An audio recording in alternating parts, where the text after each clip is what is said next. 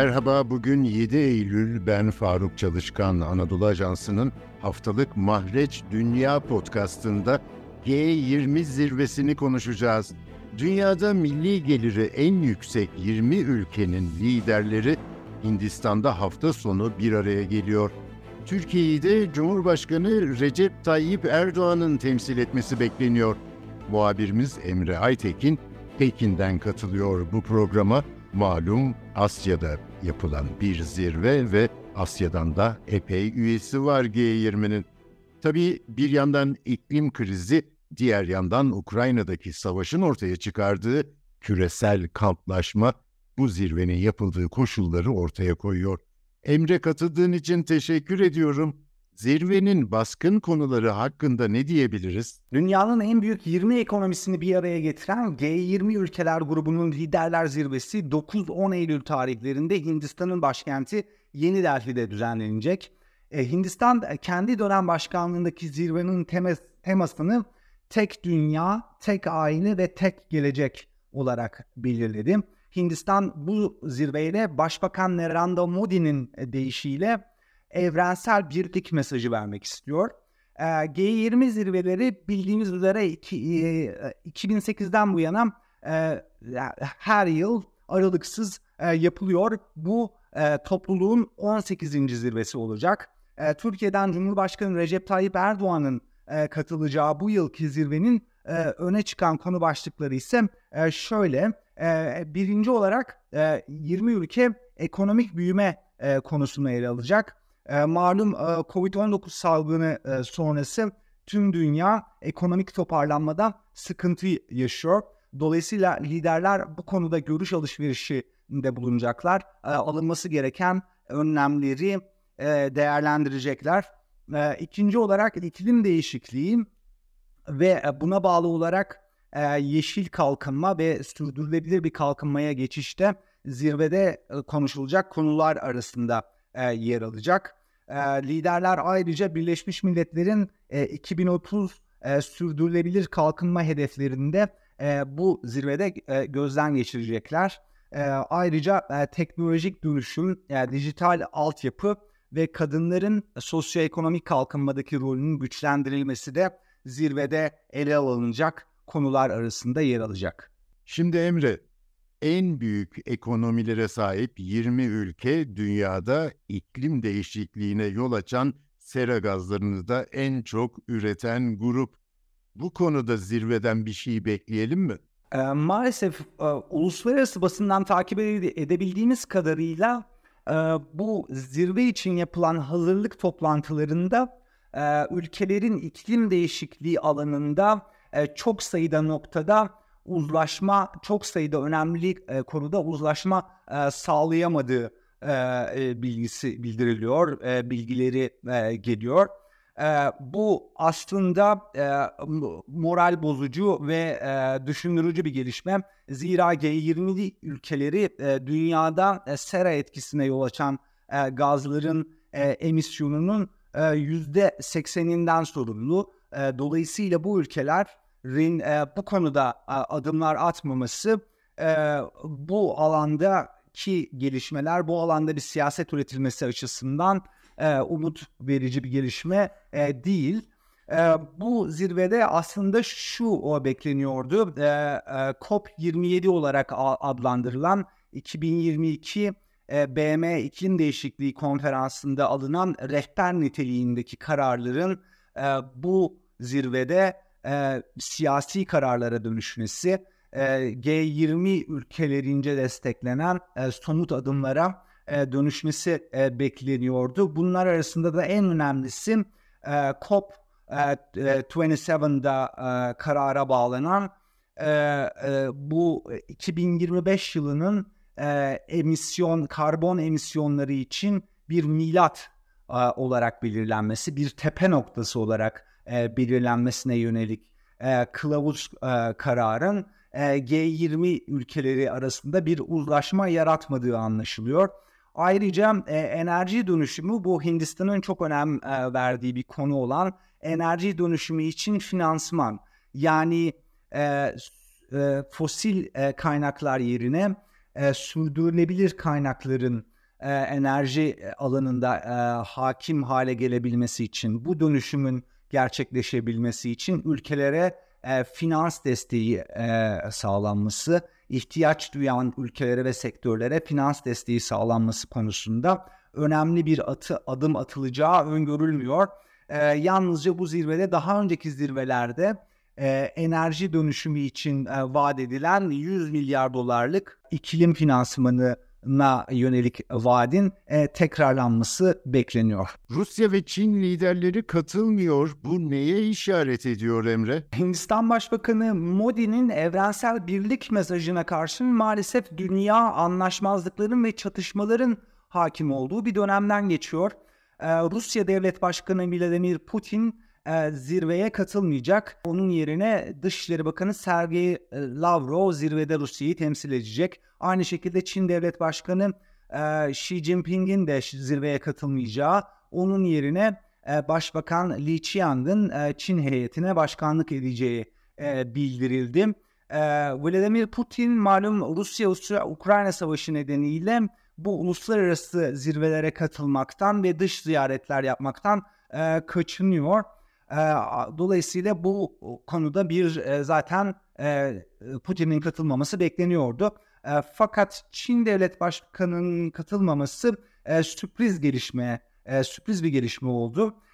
Biz çünkü Çin liderleri e, 2008'den bu yana yapılan zirvelere zirvelerin hepsine lider düzeyinde yani devlet başkanı düzeyinde katılmıştı.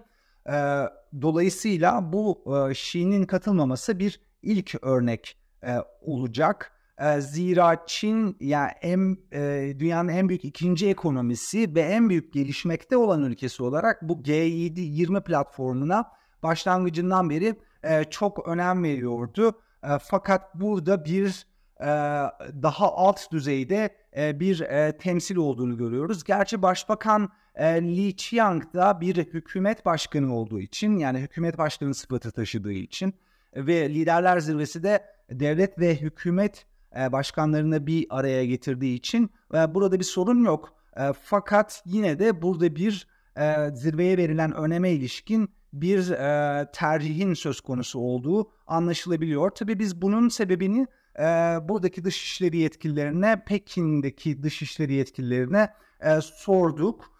E, yetkililer bunun için bir gerekçe göstermekten kaçındılar. E, bu düzenlemenin e, gerekçesini e, göstermekten bu, e, kaçındılar.